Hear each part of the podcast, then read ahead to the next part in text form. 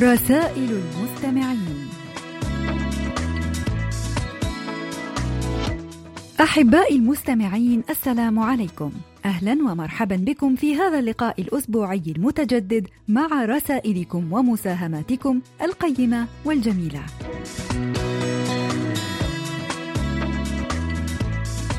ونشكركم أصدقائي الأعزاء على تعليقاتكم حول الموضوع الذي طرحناه الأسبوع الماضي وهو يحتفل العالم الإسلامي بعيد الفطر المبارك وكل عام وأنتم بخير. فما هي مظاهر وطقوس الاحتفال بالعيد عندكم؟ وما أشهر الأطباق والحلوى التي تميز الاحتفال بالعيد في بلادكم؟ وسوف نستعرض خلال هذه الحلقة بعض الردود التي جاءت إلينا على صفحتنا على فيسبوك.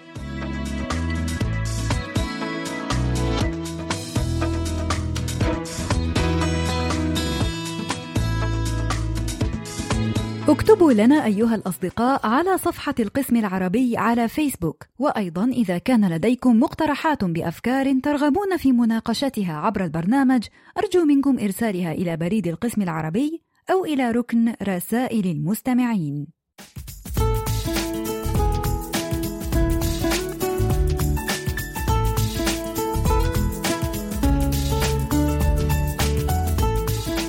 امتلأ بريد القسم العربي برسائل التهنئة الصادقة بمناسبة حلول عيد الفطر المبارك أعاده الله علينا وعليكم بالخير واليمن والبركات.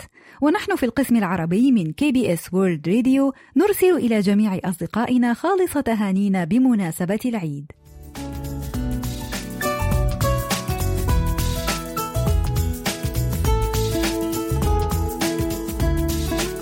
ونبدأ مع مساهمة للصديق عمر حربيط العوني عن الثقافة الكورية. نقرأها معا. وكنا نتمنى أن نقرأ المساهمة كاملة لولا أن حال الوقت المحدد للبرنامج بيننا وبين ذلك. نقرأ معا من رسالة صديقنا المميزة. ساعد التطور التكنولوجي المذهل في عالم الاتصالات والبث عبر الأقمار الصناعية والبث القائم على الإنترنت في نشر الثقافة الكورية في كل زوايا الكرة الأرضية. والتي ترتكز على الأغنية والمسلسلات والأفلام والسينما خاصة الموسيقى الشعبية كي بوب والدراما الكورية K-drama كلنا نتذكر الشريط الغنائي للفنان الكوري الجنوبي ساي باسم Gangnam Style والذي انتشر في العالم كما تنتشر النار في الهشيم. لقد حققت تلك الأغنية نجاحا عالميا لا مثيل له عند ظهورها في عام 2012 ولاقت انتشارا غير مسبوق في كل أقطار العالم وحصدت مشاهدات عالية في اليوتيوب. تجاوزت ثلاث مليارات مشاهدة. حسب رأيي كانت هذه هي نقطة البداية لهذا النجاح والتطور الفني. وانتشار الموجة الفنية الكورية هاليو والتي تتميز بتنوعها وتعددها. وعلى الرغم من تنوع هذه الفنون وتمايزها إلا أنه يجمع بينها طابع كوري واحد ونكهة متميزة لا توجد سوى في الفنون الشعبية الكورية. ورغم أن اسم كوريا الجنوبية ارتبط بإنتاج الهواتف المحمولة والسيارات والبواخر العملاقة والأجهزة المنزلية وغيرها، إلا أنه مع ظهور الموجة الثقافية الكورية هاليو، وجدت الفنون الكورية المختلفة من موسيقى وغناء ورقص ودراما وسينما ومسلسلات تلفزيونية انتشارا ونجاحا ورواجا منقطع النظير في العالم. وقد سجلت بعض الأغاني الكورية أرقاما قياسية عالمية في عدد المشاهدات متجاوزة حاجز المليار مشاهد متصدرة قائمة البيلبورد وأصبحت الأفلام والمسلسلات الكورية تعرض تقريبا في كل تلفزيونات العالم وتحصد الجوائز هنا وهناك. وفي أغلب المهرجانات والمسابقات العالمية استطاعت الدراما الكورية أن تقدم للعالم دراما بلا ابتذال ولا تمطيط. متطرقة لأفكار جديدة كإلقاء الضوء على الحياة في المدارس والتنمر بين الطلاب. وأفكار غير مألوفة ومتداولة يغلب عليها الطابع المحافظ ويؤديها شبان وفتيات على قدر عال من الوسامة والأناقة بعيدا عن التكلف. تجعلك تشعر بأن الحبكة الدرامية كتبت بأسلوب احترافي. تدخل في قالب رومانسي مغلف بنوع من التهذيب والتضحية والجمال فكان لها تأثير في شريحة واسعة من المتابعين الذين أتقنوا لاحقا بعض المفردات الكورية وعرفوا على سبيل المثال أن الكيمتشي هو أشهر الأطباق الكورية وأن الهانبوك هو زي المناسبات التراثية في كوريا وتعلموا الكفاح وعدم الاستسلام.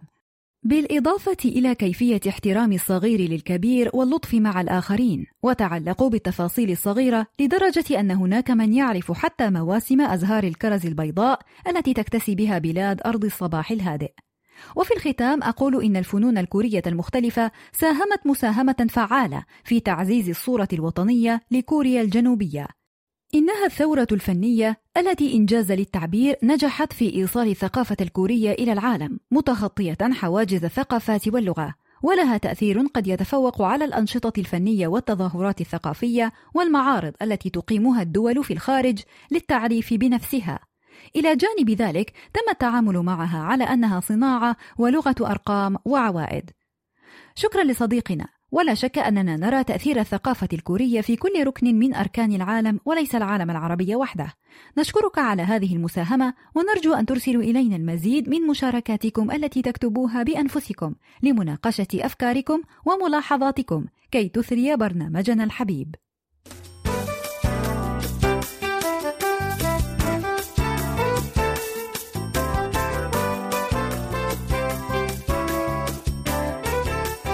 كما أرسل إلينا الصديق علي عبد الشكور بعض المعلومات الطبية القيمة نقرأها معا فيما يلي. معلومات طبية سريعة. يعتبر الإجهاد العصبي والتوتر النفسي من أحد مسببات الإسهال. يفيد استنشاق بخار الماء المغلي بالنعناع في طرد البلغم من الصدر. يساعد الزعتر على القضاء على الأميبا، وهو مهم في القضاء على العديد من الاضطرابات الهضمية مثل انتفاخ البطن والقيء. يؤدي ارتفاع ضغط الدم إلى تصلب الشرايين وحدوث الجلطات الدموية. يسبب نقص الفسفور في الجسم إلى الإجهاد والتعب العام. يرفع زيت الزيتون نسبة الكوليسترول المفيد في الدم، ويخفض نسبة الكوليسترول الضار. يحمي الثوم الشرايين ويعيد مرونتها، كما أنه يحفظ القلب ويمنع تشكيل انسداد الشرايين بسبب ارتفاع محتوى الكبريت. يؤدي ارتفاع ضغط الدم المستمر إلى تراكم السوائل في الرئتين. يؤدي إدمان الخمر إلى إتلاف خلايا المخ والإصابة المتكررة بالجلطات.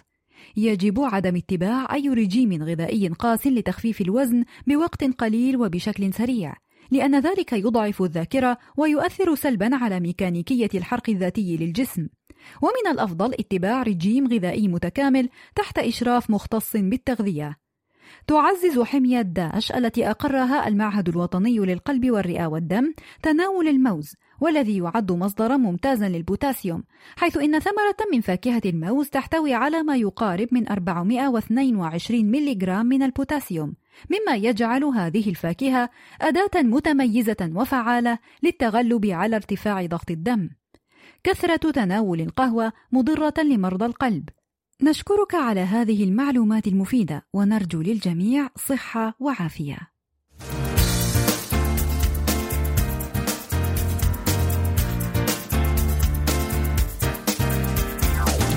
ومن الأرشيف تخيرنا الرسالة التالية من الصديق نوري عبد الرزاق بعنوان حوار الحكمة. قال: ما هي أجمل صفات المرأة؟ فقلت الحنان. قالت: وأجمل صفات الرجل؟ قلت الرحمة. قالت وأجمل ما في الطفولة. قلت البراءة. قال وأجمل ما في الشباب. قلت الأحلام. قال وأجمل ما في الشيخوخة. قلت التقوى. قال وأجمل ما في الرجولة. قلت الحكمة. قال ما هي ارقى أنواع الصبر؟ قلت حينما يجتمع الصبر والرضا. قال هل للقناعة درجات؟ قلت نعم هناك قناعة الاكتفاء وقناعة الصبر وقناعة الزهد والأخيرة أرقى الأنواع. قال ماذا يعني الحنان؟ قلت أن يستريح الإنسان إلى شاطئ بعد رحلة سفر متعبة وأن يجد صدرا يلقي عليه متاعبه دون خوف أو استجداء أو ثمن. قال: ما هي أرقى أنواع الحب؟ قلت: الأمومة، لأنها حب بلا مقابل وعطاء بلا ثمن. قال: ما هي أعلى درجات الأخلاق؟ قلت: أن ينزه الإنسان نفسه عن الصغائر، ليس خوفا من أحد، ولكن تقديرا لذاته وسموا بنفسه وحبا للفضيلة. قال أيهما على درجة العفو أم التسامح؟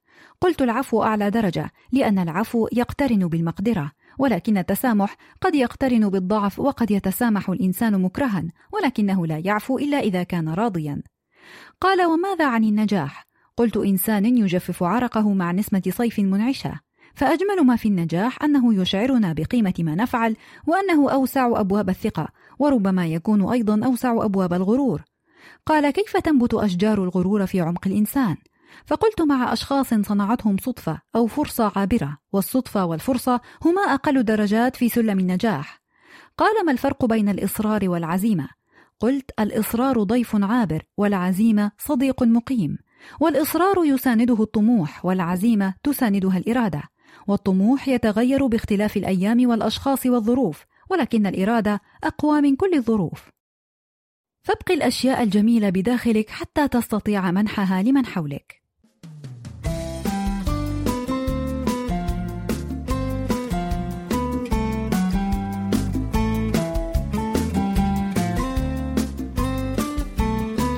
أرسل إلينا الصديق عبد الإله إزو بعضا من أجمل الحكم والأقوال نقرأها فيما يلي. لا تخجل مما لا تعرفه بل اخجل مما لم تدرسه. قطرة فوق قطرة بحر وحكمة فوق حكمة علم. جمال الطير في ريشه وجمال الرجل في علمه. الرجل الذي لا يتعلم شأنه شأن الأرض الجرداء التي لا تنبت شيئا. إن لم تتقن فن التجاهل فستخسر الكثير وأولها عافيتك. سلح عقلك بالعلم فهو خير من أن تزين جسدك بالجواهر. لا تتخذ تمساحا صديقا وإن سالت منه الدموع. العلم منجم غزير مقفل ومفتاحه العقل. كن عادلا قبل أن تكون كريما. إذا كنت مخلصا فليكن إخلاصك إلى حد الوفاء. وإذا كنت صريحا فلتكن صراحتك إلى حد الاعتراف. من أحبك في عسرك ويسرك دون أن ينتظر منك معروفا واحتملك في غضبك وسرورك دون أن يضمر لك سوءا فذلك هو الصديق. سأل الممكن المستحيل أين تقيم؟ فأجابه في أحلام العاجز.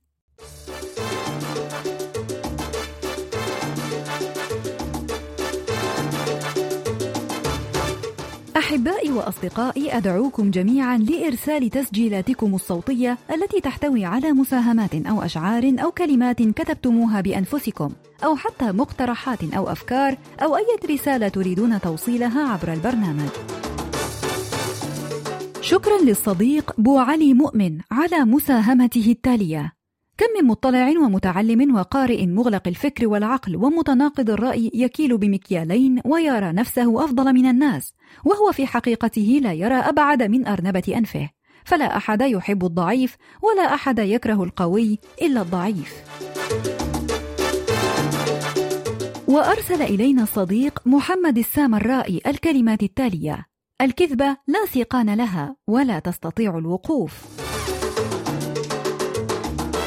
شكرا للصديق عبد الله محمد على الكلمات التالية. تستطيع الشمس أن تجفف مياه البحر ولكنها لن تجفف دموع امرأة.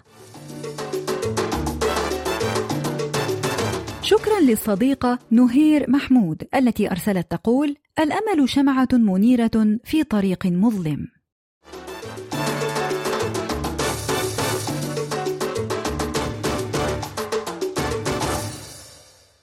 ومن رسائل صديقنا عبد الإله إزو نقرأ المقولات التالية: في الحياة نياشين وضاءة لا ترى بالعين بل بالروح، يعرف بها أهل الفضل والمكارم، إذ يسعى نورهم بين أيديهم وبأيمانهم. أناس يعيشون أعمارهم بالبذل ويقسمون حياتهم على حياة الآخرين، فلا يبقى للأنا فيهم من سبيل أحاديثهم الناعمة، كلماتهم عذبة ومجالسهم كريمة ونظراتهم دافئة. الصادق لا يحلف والواثق لا يبرر والمخلص لا يندم والكريم لا يمن والمحب لا يمل.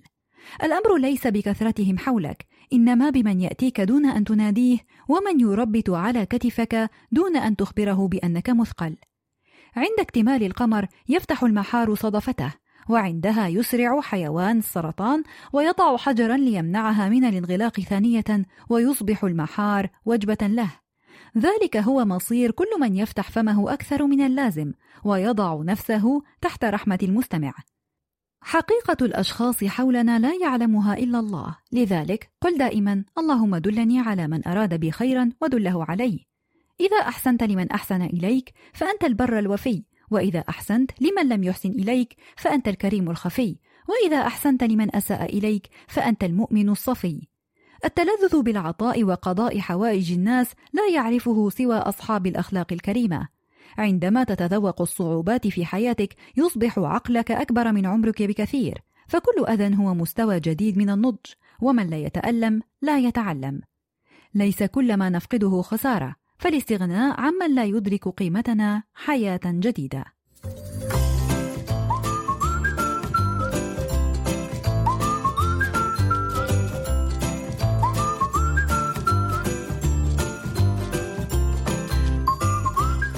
قد مضى رمضان ولم تشبع منه قلوبنا بعد. لا تزال أرواحنا تحمل آثارا عطرة من الشهر الفضيل. ولكن فضله يشمل الصحة والجسد أيضا ويجب أن نحافظ على أجسامنا وصحتنا وقد أعطانا الشهر الفضيل أفضل فرصة لذلك. لنذكر أنفسنا بما جنته أجسامنا من صيام الشهر الفضيل. نقرأ الرسالة التالية من أرشيف رسائل الصديق علي بن شهرة بعنوان كيف يشفي الصوم جسمنا؟ لا يترك الصوم عن الطعام الكثير من الآثار الإيجابية على الجسم وراحته فقط، وإنما على زيادة قوة الخلايا في التحمل والمقاومة. كما أن الجوع يمنع حدوث الالتهابات. فيما يلي نجمل لكم أهم فوائد الصوم: الكوليسترول وضغط الدم. مما لا شك فيه فإن الامتناع عن الطعام يعمل أيضا على تخفيض الكوليسترول وضغط الدم. وبعد الانتهاء من فترة الصوم عادة ما تكون هناك زيادة طفيفة في مستواهما لكنه لا يصل إلى القيم الأولية. الآلام المزمنة. يخفف الصوم من العديد من اضطرابات الألم المزمنة على سبيل المثال الروماتيزم. إزالة السموم من الجسم. عند الصوم تقل معالجة الكبد للكثير من المواد الغذائية الموجودة في الطعام مما يتيح إمكانية تعافي الكبد وخاصة الكبد الدهني. وهو أكبر أعضاء الجسم المسؤولة عن التخلص من السموم. حجم المعدة خلال الصوم تنكمش المعدة المتمددة من جديد، كما يتعافى الغشاء المخاطي تماما كما هو الحال في الأمعاء أكبر عضو في جهاز المناعة. يغير الصوم أيضا من انتشار الفلورا المعوية أو ما يسمى بنبيت الجرثوم المعوي بشكل إيجابي. راحة للبنكرياس يريح الصوم البنكرياس إذ يقل معدل إنتاجه للإنسولين كما تصبح خلايا الجسم أكثر حساسية للإنسولين وهو ما ينعكس إيجابا على صحة مرضى السكري من النوع الثاني. نشكرك على هذه المعلومات القيمة ونرجو أن نستغل هذه المكتسبات الثرية من الشهر الفضيل.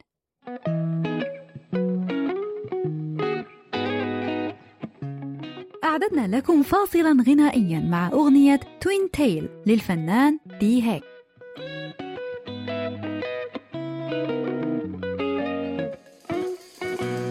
갑자기 생각나 네가 해줬던 내 싱글의 커버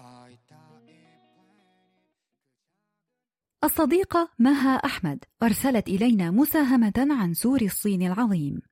سور الصين العظيم هو سلسلة من الجدران والتحصينات تغطي معظم الحدود الشمالية للصين، وهو بناء قديم بني منذ حوالي 500 عام، وكان طوله يقدر بين 2778 و 9260 كيلومتر قبل المسح الأثري الذي أجرته إدارة الدولة الصينية للتراث الثقافي عام 2012 والتي أشارت أن طول السور يصل إلى حوالي 21 ألف كيلومتر.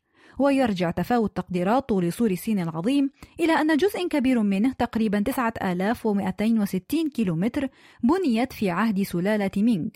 أما الطول الكلي 24076 كيلومتر تقريبا فهو مجموع أطوال الجدران متجمعة والتي في بعض الأماكن لا تكون بذات المواصفات العظيمة التي نراها في سلالة مينغ فهو يتكون فقط من القليل من الصخور والخشب والتربة وبعض المواد الأخرى.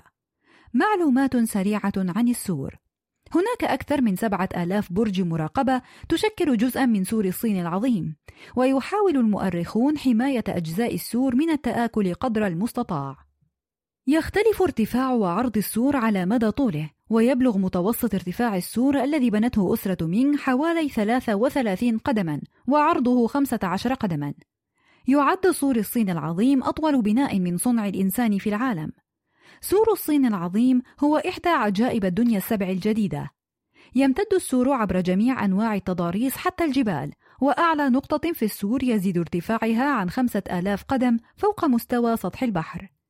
استخدمت إشارات الدخان للإنذار عن أي هجوم وكلما زاد عدد المهاجمين زادت إشارات الدخان المرسلة. يعد سور الصين العظيم من أشهر وأهم المعالم السياحية في الصين إذ يجذب 50 مليون سائح كل عام. وهناك أكثر من 460 من رجالات الدول ورؤسائها قاموا بزيارته من جميع أنحاء العالم. وهناك أمور يجب تجنبها عند زيارة سور الصين العظيم لضمان السلامة والأمان أثناء الزيارة ومن هذه الأمور ما يأتي. يجب عدم تسلق السور في الأجزاء البرية والتضاريس الطبيعية إذ أن هذه المناطق غير آمنة وتفتقر للافتات الإرشادية وهناك احتمالية للضياع أو الإصابة بجروح أو كسور. ينصح بعدم التقاط الصور والحذر الشديد أثناء المشي وخصوصا في الأماكن المنحدرة أثناء التسلق. يجب الحذر من الغش والخداع عند استئجار سيارة خاصة وعدم الذهاب على طريق الحافلات الغير قانونية. وينصح بعدم اصطحاب الأطفال دون سن السادسة وعدم ذهاب الأطفال الذين تتراوح أعمارهم بين 6 و 14 عام إلا برفقة شخص بالغ. ويحظر التخييم على سور الصين العظيم بشكل عشوائي. ويجب الحرص على التخييم في المناطق المخصصة لذلك أو الإقامة في فنادق أو مزارع متاحة لذلك وتجاهل ذلك قد يؤدي إلى التعرض لخطر كبير. شكرا على هذه المعلومات القيمة ونتمنى جميعا أن نزور هذا الأثر العظيم.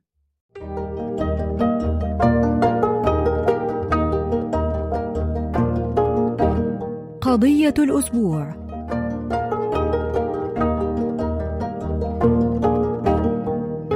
وموضوع هذا الأسبوع هو طقوس الاحتفال بالعيد.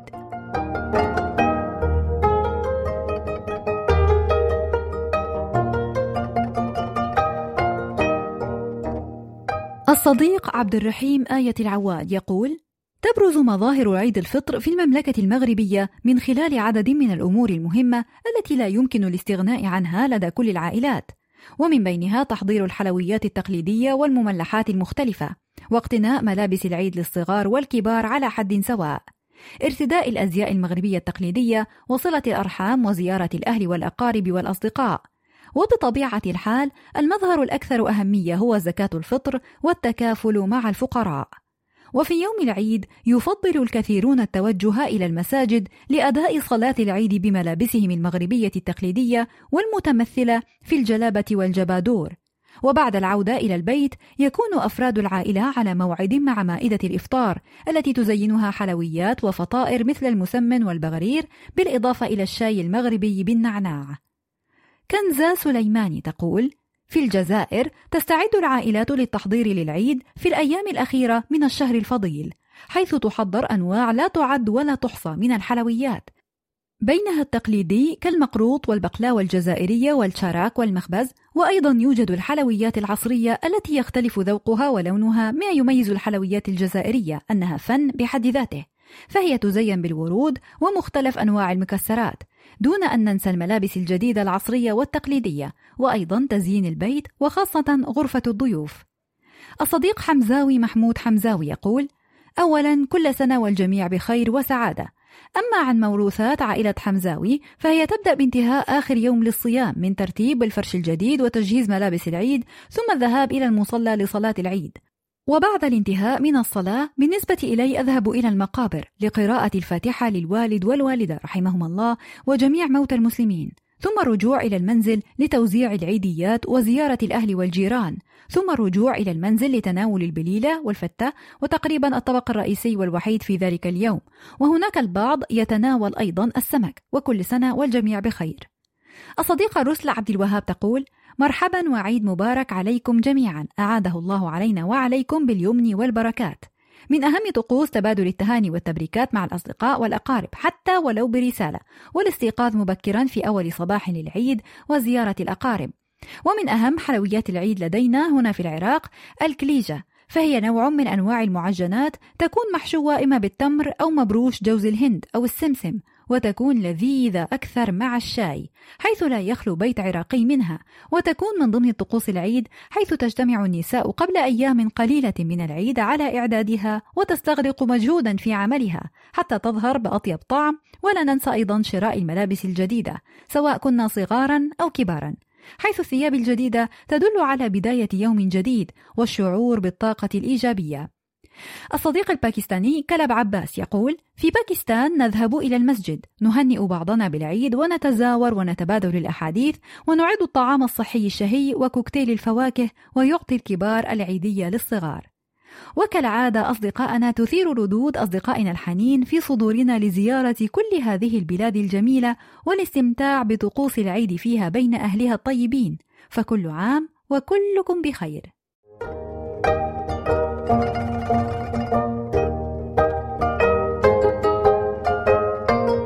نشكركم أيها الأصدقاء الأعزاء على كل مشاركاتكم القيمة وننتظر منكم المزيد من المشاركات المفيدة والجميلة.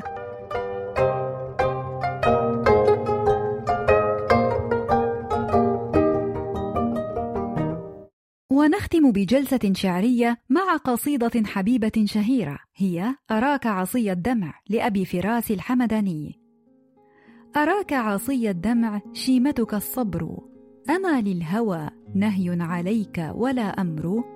بلى أنا مشتاق وعندي لوعة ولكن مثلي لا يذاع له سر. إذا الليل أضواني بسطت يد الهوى وأذللت دمعا من خلائقه الكبر. تكاد تضيء النار بين جوانحي إذا هي أذكتها الصبابة والفكر. معللتي بالوصل والموت دونه. إذا مت ظمآنا فلا نزل القطر. حفظت وضيعت المودة بيننا وأحسن من بعض الوفاء لك العذر.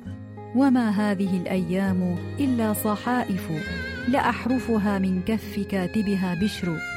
بدوت وأهلي حاضرون لأنني أرى أن دارا لست من أهلها قفر. وحاربت قومي في هواك وإنهم وإياي لولا حبك الماء والخمر. فإن كان ما قال الوشاة ولم يكن فقد يهدم الإيمان ما شيد الكفر. وفيت وفي بعض الوفاء مذلة لآنسة في الحي شيمتها الغدر. وقور ورعان الصبا يستفزها فتأرن أحيانا كما يأرن المهر. تسائلني من أنت؟ وهي عليمة وهل بفتى مثلي على حاله نكر؟ فقلت كما شاءت وشاء لها الهوى. قتيلك. قالت أيهم؟ فهم كثر. فقلت لها لو شئت لم تتعنتي ولم تسألي عني وعندك بي خبر. فقالت لقد أزرى بك الدهر بعدنا. فقلت معاذ الله بل أنت لا الدهر. وما كان للأحزان لولاك مسلك. إلى القلب لكن الهوى للبلا جسر.